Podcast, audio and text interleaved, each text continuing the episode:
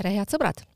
saade, mis kohe praegu algab, on Vaim Vardas ja selle juht on Vilja Kiisler, tegemist on ühiskondliku noodiga saatega, mis on eetris kord kuus ja iga kord on mul rõõm võõrustada stuudios erikülalist. täna on minu jutukaaslaseks Raimo Ülavere, coach või peaks ütlema coach või peaks ütlema coach, kuidas sulle sobiks eh,? mulle sobib iga variant ma ilmaasjata ei pakkunud neid erinevaid välja, sest mäletatavasti paar aastat või mõni aastat tagasi püüti sellele coach'ile leida Eesti vastet ja pakuti välja selline variant nagu coach, mis valiti mäletatavasti kõige koledamaks sõnaks, mis üleüldse on leiutatud. Selle aastanumbri sees, oli vist kaks tuhat kuusteist, kui ma õigesti mäletan jah, see aastanumbrit ma ei mäleta, aga, aga mina ei oska öelda, kas sõna on ilus või kole, aga, aga nii palju ma oskan öelda, et ega see väga nagu käibesse pole läinud, et ikkagi kui äh, räägitakse või kutsutakse kedagi minusugust, siis öeldakse coach ja, ja siis see on suhteliselt äh, vähe. mis sellel vanal juhtimiskonsultandil siis viga oli, see käis ju küll no seal noh, eks ta käis ka, aga tal ähm, nagu sisuliselt on natukene mm, vale, et, et, et noh, coach'i selline roll ei ole käia ja targutada ja öelda, kuidas inimesed elama või juhtima või mida tegema peaks, et coach on pigem siis niisugune rohkem küsimismasina moodi asi tead, tegelikult ma tahaksin sinuga ju rääkida, jõuda teemani, aga kuna me juba selle peale läksime, mida sa teed, võib-olla kõik inimesed seda päris hästi ette ei kujuta. seda coach'i teed sa teed juba umbes kolmteist aastat ja sinu klientideks on juhid, eks ole. et võib-olla määratleksime alguseks, mille poolest sa erined näiteks psühhoterapeudist või siis kogemusnõustajast või siis sellest samast juhtimiskonsultandist, seegi termin ei ole ju päriselt turult kadunud jah, noh, eks siin on veel arengutreener ja kõik muud, et, et millest ta erineb, noh, coaching reeglina tegeleb äh, tulevikuga, mis eristab teda natuke võib-olla sellisest psühholoogi ja psühhoteraapiast, et äh, ja veel, mis eristab, on, et coach ei ravi kedagi, et, et, et see ei ole meditsiiniline teema, et äh, ja, ja coaching on reeglina inimestele, kes on siis juba on nii-öelda edukad, mis iganes see edu ka tähendab, et, et niisuguseid mahajääjaid äh, Äh, nii-öelda ravitakse siis äh, teiste meetoditega. teistes asutustes? teistes asutustes jah, kui nii võib öelda, nii et äh, ja kuidas see töö pra praktiliselt igapäevaselt käib, et see on äh, regulaarsed kohtumised, noh, siin üle paari nädala, üle kolme nädala ja tund-poolteist inimesega siis räägime mingil väga kindlal teemal. Coaching ul on alati algus, tal on lõpp, et me see algus ja lõpp lepitakse kohe kokku noh, ma ei tea, kuus kuud või äh, mis iganes see periood on ja siis lepitakse kokku ka üldiselt äh, teema või eesmärk, et, et ta ei ole lihtsalt nagu sihuke mõnus jutuajamine ja inimene, kelle najal on hea ennast tühjaks nutta, et, et, et see ei ole coach'i roll nutta ei saagi väga kahju, ma siis üldse ei pöördu, kuigi mina mm. muidugi pole juhtki ja pole ka sinu, sulle sobiv klient. ja ei no ei, põhimõtteliselt sa ikkagi sobiks, et ma tegelen ka tippspetsialistidega ja, ja meeskondadega ja tippsportlastega ka päris palju. mul on tunne, et ma ei kvalifitseeru ühekski, aga see selleks. tahaks küsida ähm, praegu ilmselt juhtimiskogemusega inimesed, tippjuhid, kellega sa eelkõige töötad vaatlevad äh, toimuvat olukorda riigis seoses pandeemiaga ja koroonaviiruse ägeda levikuga ilmselt mõnevõrra kriitilisemalt kui me kõik, mille üle nad eelkõige kurdavad, kas kiruvad valitsust, tahavad rangemaid piiranguid, on üleüldse rahulolematud või leiavad, et äh, valitsus, kõik teised asjaomased institutsioonid saavad kriisi haldamisega hästi hakkama tead, kui päris aus olla, siis üldiselt need äh, tippjuhid ei räägi liiga palju sellest, mis, äh, mis kõik ümber toimub, nad ei kurda liiga palju, ei hädalda, nad proovivad äh, teha otsuseid ja proovivad hakkama saada, et see on niisugune, keskenduvad nii-öelda tegevusele ja minu arust on see ka nagu väga mõistlik, et sellist nagu üleüldist hädaldamist ma liiga palju ei ole kohanud, võib-olla võib-olla jah, esindusorganisatsioonid või kuskilt sealt tuleb seda hädaldamise poolt või, või kurtmise poolt küll aga, aga nii palju, kui äh, seda vaadatakse, siis niisugusest nagu juhtimise aspektist, siis noh, selgelt on äh, liiga vähe äh, otsustavust ja selgelt on liiga vähe äh, sellist nagu konkreetsust otsustamisel. ja kolmas aspekt on võib-olla, et selgelt on otsused hiljaks jäänud, et, et need on võib-olla kolm asja, mis mille üle võib-olla juhid räägivad ja mis, mis ka mulle võib-olla silma paistab võib-olla tõmbaksimegi siinkohal siis lahku, sa eelkõige nüüd praegu tegid üldistuse tippjuhtide kohta, nende arvamuste kohta, aga võib-olla siis sa ise ka sõnastaksid oma seisukohad, ma saan aru, need on üsna sarnased sellega, mis sa alles äsja sõnadesse panid, kuid öö, ähm, otsustavus ilmselt ja, või otsustamatus on midagi, mida sinagi märkad kriisi haldamisel? jaa, minu arust küll, et, et, et siin on noh, kui et oleks äh, võib-olla võrdlus, et äh, eelmine valitsus, noh, me saime ikkagi väga halba juhtimist. aga need põhjused, miks me saime väga halba juhtimist, olid kuskil mujal. et, et, et seal oli küsimus nagu kavatsustes ja, ja ja niisugune varjatud agendades ja mõnikord ka mitte nii väga varjatud agendades ja nii edasi, eks ole, eesmärk ei olnud e-, elu paremaks teha, vaid eesmärk oli midagi muud. erinevus praeguse valitsusega on täitsa olemas, sest praegune valitsus, mulle tundub, noh, kui vaadata neid sõnavõtte ja kõike muud, siis vähemasti suures plaanis üritatakse tõesti elu paremaks teha, et, et kavatsus on hea. aga? aga, ja siis tuleb see aga, eks ole, mis kipub alati sõnana tühistama eelneva, aga see nii-öelda täideviimise pool äh, lonkab ja täideviimise pool äh,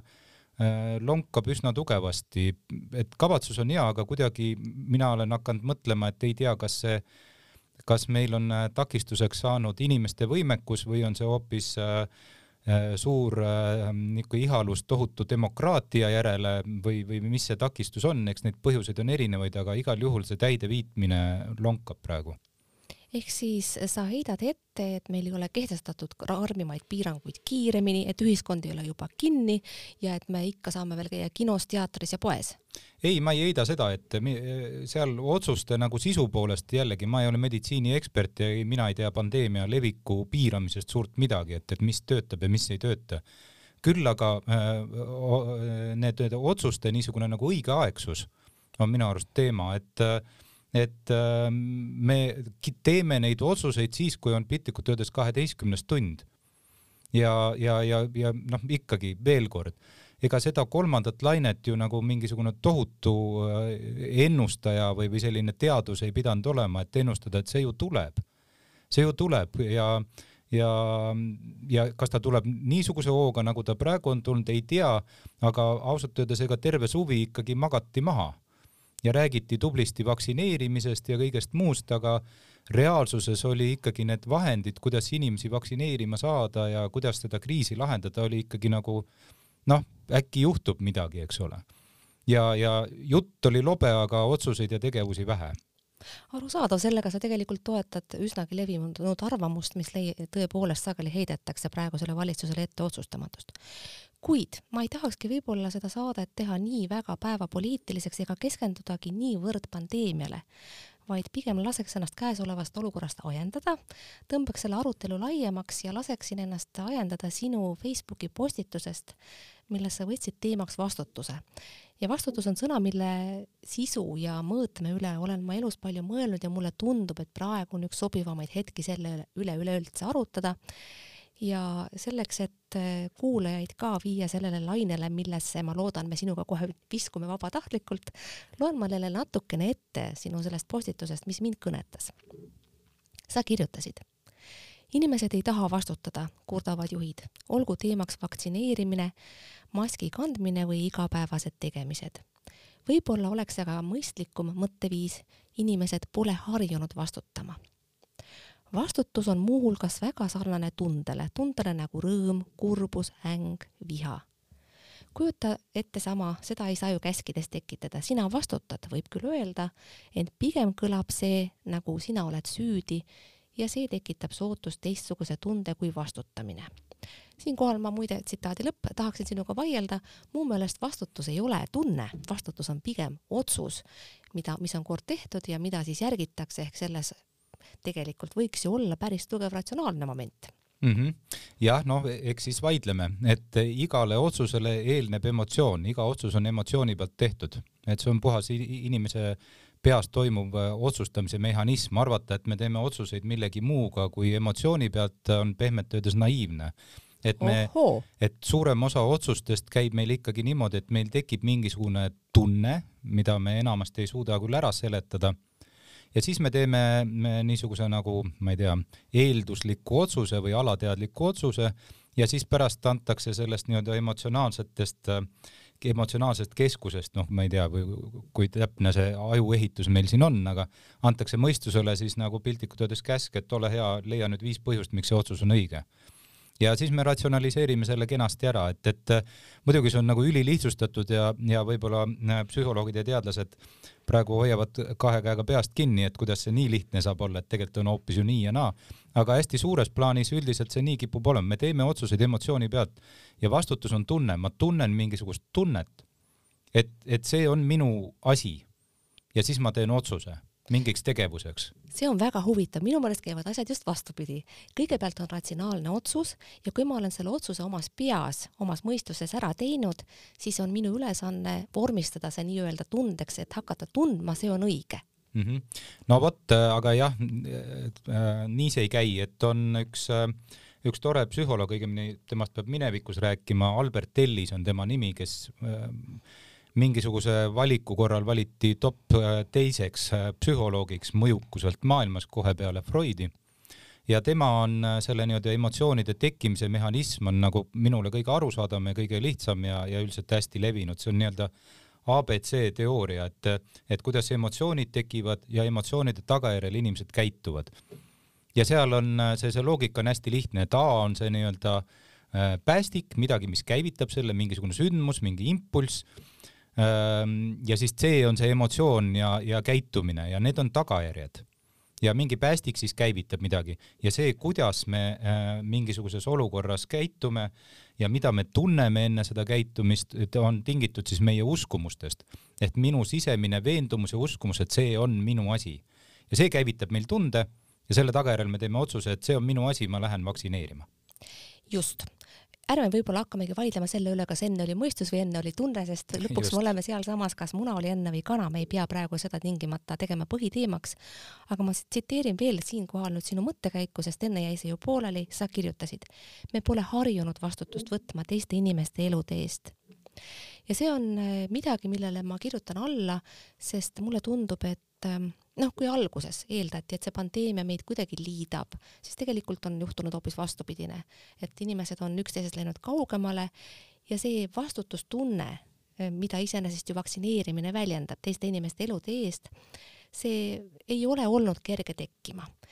miks, miks siis on see meil see vastutustunne selles maanurgas, siin Ida-Euroopa nurgataguses, nii palju väiksem kui näiteks nendes riikides, mis võivad ennast praegu juba normaalsel elul uuesti avada, kuna nende vaktsineerimisprotsent on oluliselt kõrgem kui meil noh, see mõtteviis tugineb natukene, võib-olla on see uskumus, aga, aga ma arvaks, et seal on ikkagi terake niisugust ähm, faktoloogilist põhja ka taga. et ähm, tugineb ähm, sellele, et, et ei ole väga mõistlik mõelda, et inimene ei taha vastutada, sest päriselu näitab midagi muud, et äh, küsimus ei ole tahtmises, kui me, kui me usume seda või, või käitume selle järgi, et, et inimesed ei taha vastutada, siis me oleme püsti hädas. siis me oleme püsti hädas, sest me peame hakkama tegelema äh, sellega, et muuta inimeste hoiakuid, uskumusi ja see on üks väga-väga keeruline tee. no lihtsalt nagu juhtimise seisukohast ka vaadates kui aga me usume seda ja, ja mina väga usun seda, et inimesed ei ole lihtsalt harjunud vastutama ja meie harjumusi mõjutab see keskkond, kõige rohkem mõjutab inimese käitumist ja harjumusi ja rutiine keskkond.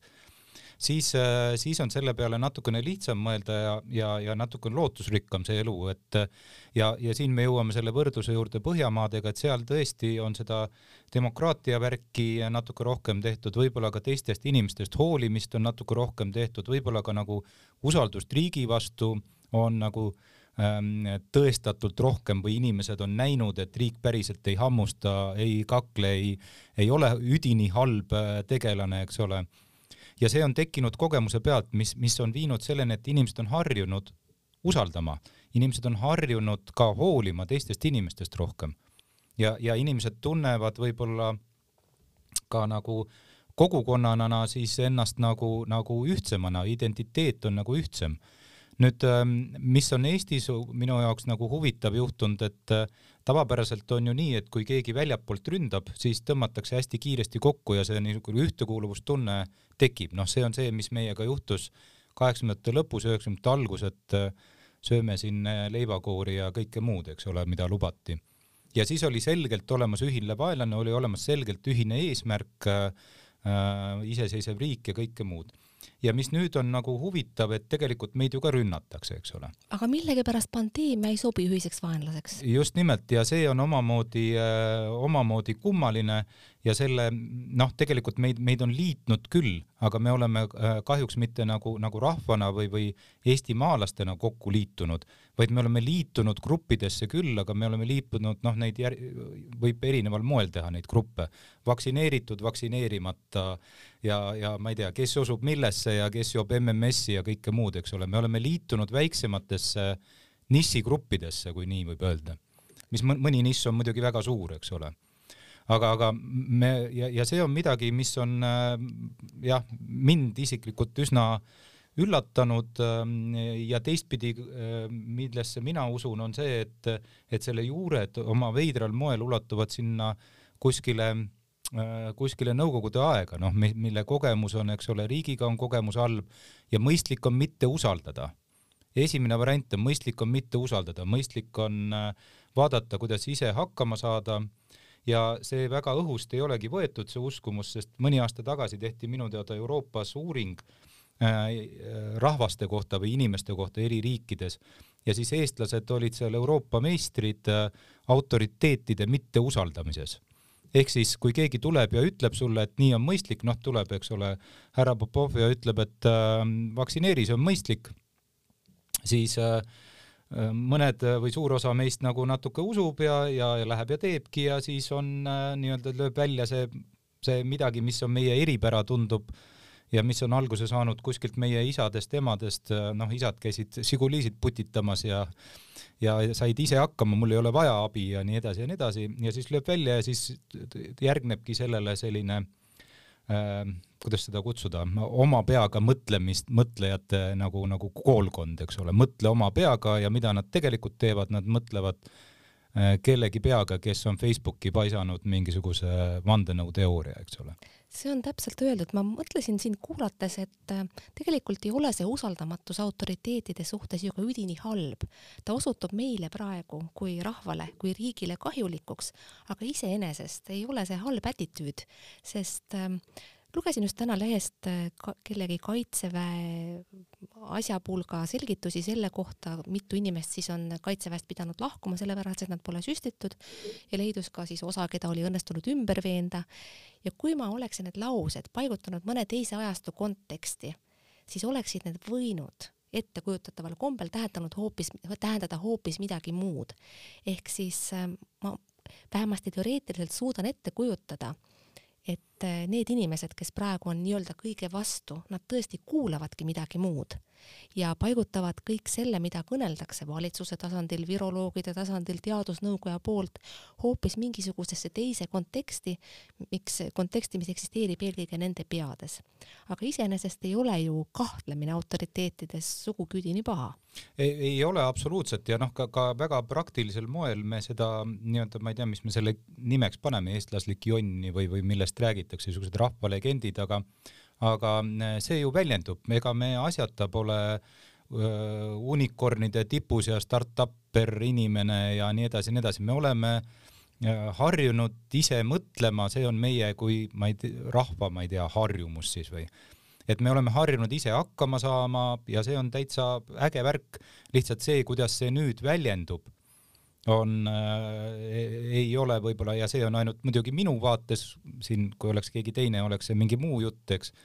ei ole väga mõistlik, see ei ole mõistlik, noh, seal on äh, alati niisuguseid nagu uskumusi tuleb vaadata millegi kontekstis, uskumused iseenesest ei ole ju head ega halvad, nagu ka tunded ei ole head ega halvad, aga nad on millegiga võrreldes või millegi suhtes, kui me vaatame eesmärki, kui meie eesmärk on avatud ühiskond ja et asjad toimiksid ja selle toimimise tagab meile vaktsineerimine, siis mingi uskumus äh, aitab kaasa ja mingi uskumus sellele kaasa ei aita, eks ole. et see uskumus iseenesest ei ole hea ega halb ja olen sinuga täiesti nõus. Äh, väga sagedasti satub seesama vastutuse sõna konteksti vabadusega või teatavasse vastandusse vabadusega. Ja mulle tundus, et nende kahe termini põhimõtteline vastandamine läks kuidagi käest ära juba enne, kui pandeemia puhkes ja tegelikult poliitilistel põhjustel, et vabadust ei tõlgendatud enam mitte kui noh, ütleme teoreetilist või filosoofilist kategooriat, mille üle on võimalik arutleda iseeneses, vaid öeldi alati, vabadus käib koos vastutusega. Ja see vastutus sellisel juhul juba siis tähendas midagi muud kui seda, mida ta minu meelest võiks tähendada, ehk siis teatavaks täiskasvanuks saamist, sellist teadvustatud, põhimõtteliselt motiveeritud tegutsemist. kuidas sulle tundub, missugusesse konstellatsiooni on need kaks sõna, vabadus ja vastutus, omavahel sattunud nüüd viiruse vastu võitlemise olukorras? No minu arust, nagu sa viitad, et kuskil on see juba varem äh, nagu törts valesti läinud, et see on lihtsalt sümptom või tagajärg, mida me praegu näeme, et, et see vabaduse ja vastutuse seos äh, äh läk-, on, on juba varem nagu noh, on jah, valesti. ja, ja mis seal on valesti, on see, et äh, vastutus, äh, noh, ma ei tea, vähemasti minu peas jookseb see kuidagi nii, et noh, alustuseks peaks proovima äh, vastutada iseenda eest, iseenda elu eest, iseenda valikute eest. aga väga paljud, äh, ma ei tea, väga paljud kõlab jälle tobeda väljendina, kui mina ei tea, kui paljud, aga mulle tundub ja see on minu uskumus, eks ole, et äh, inimesed, kes räägivad valjuhäälselt oma peaga mõtlemisest eest, tegelikult ei võta vastutust ka iseenda eest ja sealt algab probleem. süüdi on riik, minu viletsas elus on süüdi keegi teine, minu äh, valikute tagajärg, võib-olla ma polegi valikuid teinud, aga igal juhul keegi teine vastutab. nii et, et ähm, no põhimõtteliselt on see jah kokkuvõetav sellesse, et minu või viletsas või ebatäiuslikus äh, elus on süüdi keegi teine, aga see ei ole äh, vastutamine ja, ja siis kõrvale jah, et, et kui sa küsisid vabadus, siis teiselt poolt pannakse sinna kõrva vabadus, et, et ja siis leitakse justkui see kanal või see koht või, või areen või tribüün, kus saab siis äh, Äh, valjult äh, karjuda, röökida, õiendada, teisi süüdistada ja siis sellele pannakse võrdusmärk taha, et see ongi vabadus. See on huvitav, et sa seda oled märganud, mul on hulk tuttavaid ja sõpru, kellega ma olen aeg-ajalt selle üle vaielnud, mida see vastutus õigupoolest tähendab. Ja mu meelest algab igasugune vastutamine tõepoolest alati, alati sellest, et võetakse vastutus iseenda elu eest. ja mulle tundub, täpselt nagu sullegi, et inimesed, kes vastutusest meelsasti kõnelevad, tegelikult ise oma elu eest seda vastutust veel ei ole võtnud. ja kui sellele tähelepanu juhtida niimoodi väljastpoolt, siis tihtipeale solvutakse mm. -hmm. võidakse leida, et on väga palju asjaolusid, mis enamasti ju inimesele endale tunduvad väga objektiivsed, mis on takistanud selle vastat-, vastutuse täielikku realiseerimist. ja päris levinud on ka ohvrimentaliteet, et äh, mina siin ju vastutan, pingutan kõigest väest, aga näed, on need ja need põhjused, miks mul ei ole võimalik saavutada soovitud eesmärke. ja noh,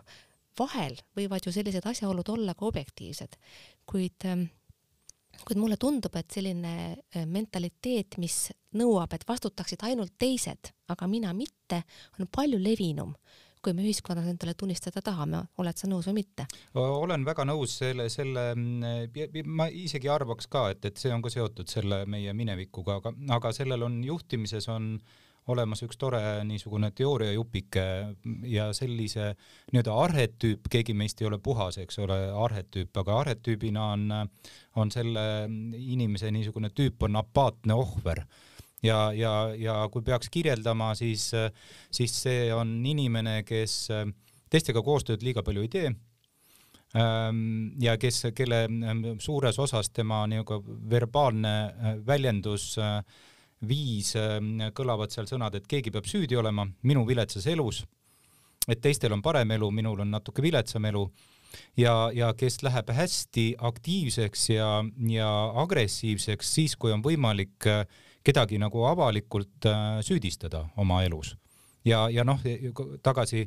meil on siin ühiskonnasaade, eks ole, et, et tagasi mõeldes siis on olemas alati poliitilised jõud. vanasti oli see üks äh, teine erakond, äh, kelle, kes armastab rohelist värvi, kes suutis alati enne valimisi aktiviseerida just seda gruppi ja, ja seda, see, see grupp on üsna suur ja see grupp on meil, ma arvaks, suurem, kui see on Põhjamaades lääneriikides nii-öelda ja nii edasi ja nii edasi, et, et et ja, ja neid on suhteliselt lihtne arranžeerida, neid on lihtne nagu, nagu üles ärritada. tuleb leida süüdlane ja hakata aga malakat andma ja, ja, ja noh, siis nad aktiviseeruvad ja siis teki- ja noh, väga lihtne on, kui kivi juba liigub, siis on suunda lihtne nagu, nagu muuta tal, et panna sinna aga laduda, laduda peale ja togida ka endale soovitavas suunas, et ja seda praegu väga selgelt ka tehakse. Ja, ja noh ja kui sinna juurde veel kasutada siukseid noh, nii-öelda laetud väljendeid, et, et tegelikult äh, see, et sa ei ole tegelikult lammas, keda suunatakse, vaid nii käitubki üks õige oma peaga mõtlev inimene, läheb ja annab kellelegi kolki, eks ole, et siis, siis nii see läheb, eks ole, seda on suhteliselt lihtne, see tegevus on arusaadav, ei ole, noh, seda kutsutakse ka nagu bipolaarne maailmavaade, et, et on nagu must ja valge, on hea ja halb, ei ole kuskil vahepeal, eks ole, et vaktsineerimine, noh, on jah, kõrvalnähud, aga ma tahaks ikka, et oleks nagu must ja valge, hea ja halb, et oleks hästi selge, maailm peab olema selge. kui on liiga palju valikuid, siis, siis ma valin teha mitte midagi, eks ole. et ja, ja inimesi on niimoodi üsna lihtne pehmelt öeldes lollitada ja, ja, ja täitsa lamba moodi karjatada, et. ja seda tehakse meelsasti, tegelikult popula-, sellised populistlikud ajed on ju olemas iseenesest iga erakonna agendas, mõnel, mõnel, mõnel rohkem, mõnel vähem. absoluutselt me ei saa muidugi lahendada ära praegu selles saates kõiki Eesti ühiskonna ees seisvaid probleeme, eriti mis puudutavad äh, seda hirmsat viirust, mille nakatumisnäitajad on praegu täitsa tipus, vaid äh, aga mida võiks teha äh, lõpetuseks, ikkagi mõelda, kuidas sina annaksid nõu nendele jõududele ühiskonnas, kes tahaksid ikkagi, et me saaksime äh, oma elu jätkata, nii-öelda oma elu tagasi mingisugustes sellistes raamides, milles me saame toimida noh, mõistlikult ja, ja ka viljakalt, ehk siis mida ikkagi teha selle grupi inimestega, kellele meeldib süüdistada kõiki inimesi, mitte võtta vastutust näha maailma mustvalgelt, see ei kao kuskile, aga mida suurem see grupp ühiskonnas on, seda pikemaks meil see vastik haigus venib, seda kauem me peame ühiskonda hoidma kinni ja seda rohkem kaotame me elusid, ehk siis katsume sõnastada kuidagi, mm, mida võiks teha no siin on äh, jah, no kui ma nüüd väga täpselt teaks, küll, küll oleks tore ja, ja vaevalt, et on kedagi, kes väga täpselt teab, aga, aga mõned äh, paar mõtet äh, siiski on, et, et, et ähm, ähm, esimene asi, mis on, et võib-olla siin nii-öelda need inimesed, kes siis üritavad äh, nende teistega seal, see on muidugi omamoodi tore mõte juba, meie ja nemad, eks aga ütleme siis, et kui me sellise jaotuse teeme, et, et üritavad nendega midagi teha, et noh, lihtsalt kuidas saada neid vaktsineerima, siis tuleb lahti lasta äkki sellest äh, Äh, ootusest, äh, mis on meil automaatselt kõigil inimestel sees, et äkki nad ei saa aru, äkki oleks vaja infot juurde, äkki peaks neile seletama veel, et äkki nad siis muudavad oma hoiakuid ja äkki nad siis tulevad vaktsineerima. no ei tule, no ei tule, inimene, kes on väga selgelt uh, uskumuses, et vaktsineerimine on saatanast ja ja ma ei tea kõik, mis selle tagajärjel võib juhtuda, eks ole Äh, ja, ja kes, oh jumal, on veel ju veel kraad kangem, eks ole, joovad MMS-i ja, ja lähevad teadlikult otsima, äh, et nad jääksid haigeks, eks ole, et haiguse läbipõdemine on parem kui vaktsineerimine. noh, ja, ja, ja nii edasi. Et neid inimesi ei ole võimalik ümber veenda, see ei ole mõistlik tegevus. ja mida see teeb, see vastupidi tekitab äh, Äh, tunnet, et mind rünnatakse, mida teeb inimene, keda rünnatakse, ta nii füüsiliselt kui vaimselt tõmbub äh, kägarasse ja hoiab enda asjast veel kõvemini kinni. sa põhimõtteliselt teed ettepaneku vaktsiinivastased rahule jätta? jah, rahule jätta jutuga, jutuga rahule jätta, mitte Aga... hakata veenma, noh, mida, mida praegu ka, eks ole, Kaja Kallas ja teised Äh, teevad, minu arust on see nagu, nagu kaugelt üle võlli on see, et palun minge vaktsineerima, palun minge vaktsineerima. selle, see ei mõju, see, selle mõju on vastupidine, julgen ma arvata. et sihuke palumine ja anumine, see on kahtepidi, esiteks ma tunnen survet, teiseks, kui sa juba palud, siis ma näen, et sa oled hädas, mis tähendab, et äh, võimu, äh, võimu nii-öelda see suurem võimupirukas on rohkem minu käes, ma panen sulle kaja ja ei lähe vaktsineerima. et ähm, aga siin on üks aga, et, et mida siis peaks tegema või saaks teha, on äh, vähem juttu, pikem samm, et, et peaks tekitama reaalselt olukordi, kus vaktsineerimine minek on hädavajalik, hädavajalik ehk siis ikkagi valitsus võiks võtta tööandjatelt selle öö, äh, otsustamisõiguse enda kätte, et me saame ühiskonda lahti hoida ainult siis, kui nendes ja nendes ametites olevad inimesed on vaktsineeritud ja jah, mina olen väga kindlal veendumusel. vähem juttu ei pea veenma ja, ja me võime seda nimetada sundvaktsineerimiseks või milleks iganes. noh, ma saan aru, et siin on nagu semiootilisi teemasid ja mida see sund tähendab ja nii edasi ja nii edasi. Aga see ei ole, noh, minu arust Marju Lauristin ütles äh, üks kuu aega tagasi intervjuus väga hästi, et et kas siis see ei ole demokraatia, kui me üritame oma ühiskonda nagu päästa et kas see ei ole demokraatia, kui me nagu eeldame ja mis on ka mõistlik eeldus, et, et inimesed ka ise panustavad ühiskonna jätkuvusse. et see minu arust on demokraatia paratamatu osa, et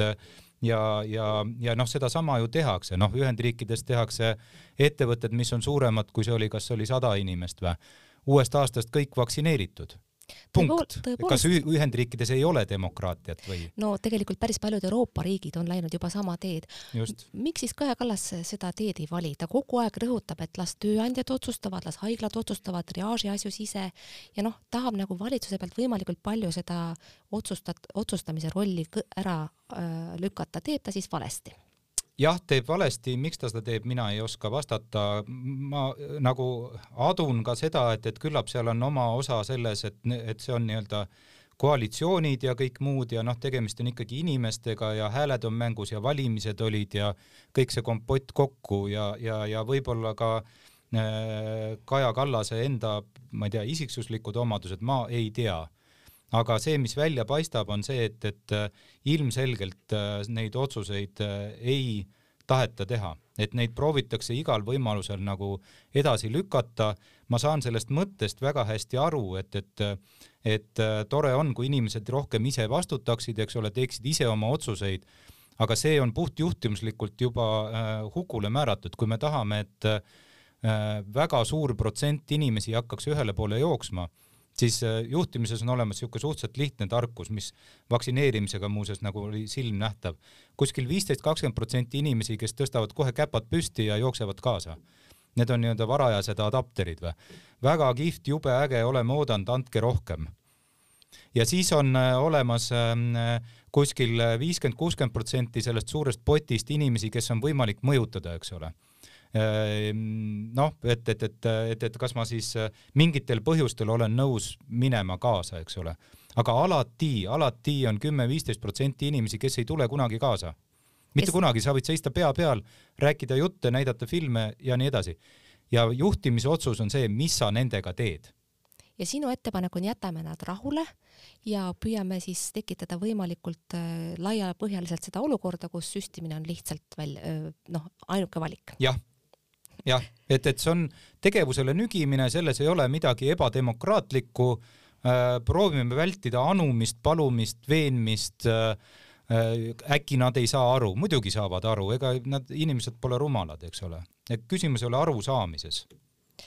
Raimo, see on väga konkreetne ettepanek ja ma arvan, et selle, sellise ettepanekuga võiksime iseenesest saate lõpetada, kui nüüd just ei jäänud sul midagi südamele, mida ma küsida ei taibanud, aga sa oleksid kindlasti tahtnud ütelda jaa, ma oleks tahtnud ütelda seda, et, et, et omamoodi on see, see jama meil põhjustatud just sellest, et eh, miks me inimesed oleme, et inimeste ettekujutusvõime ja, ja võime koonduda ideede taha on see, mis meist nagu eh, neandertaallastest eristab, eks ole, Hararil on mitu head raamatut sellest. ja, ja kahetsusväärselt seesama ettekujutusvõime, meie uskumused on meid nüüd nagu tegelikult lahku viinud või noh, seda ühiskonda lõhestanud, et äh, kõik, mis on hea, on mingis teises olukorras võib-olla ka halb, et sihuke tore filosoofiline mõte siia lõppu. Raimo, ma olen sulle selle vestluse eest väga tänulik. head kuulajad, saatejuht oli Vilja Kiisler, saatekülaline oli Raimo Ülavere, saate nimi oli Vaim Vardas ja järgmine Vaim Vardas on eetris juba umbes kuu aja pärast. aitäh, et kuulasite, olge vahepeal terved, elage hästi, kuulmiseni ja nägemiseni.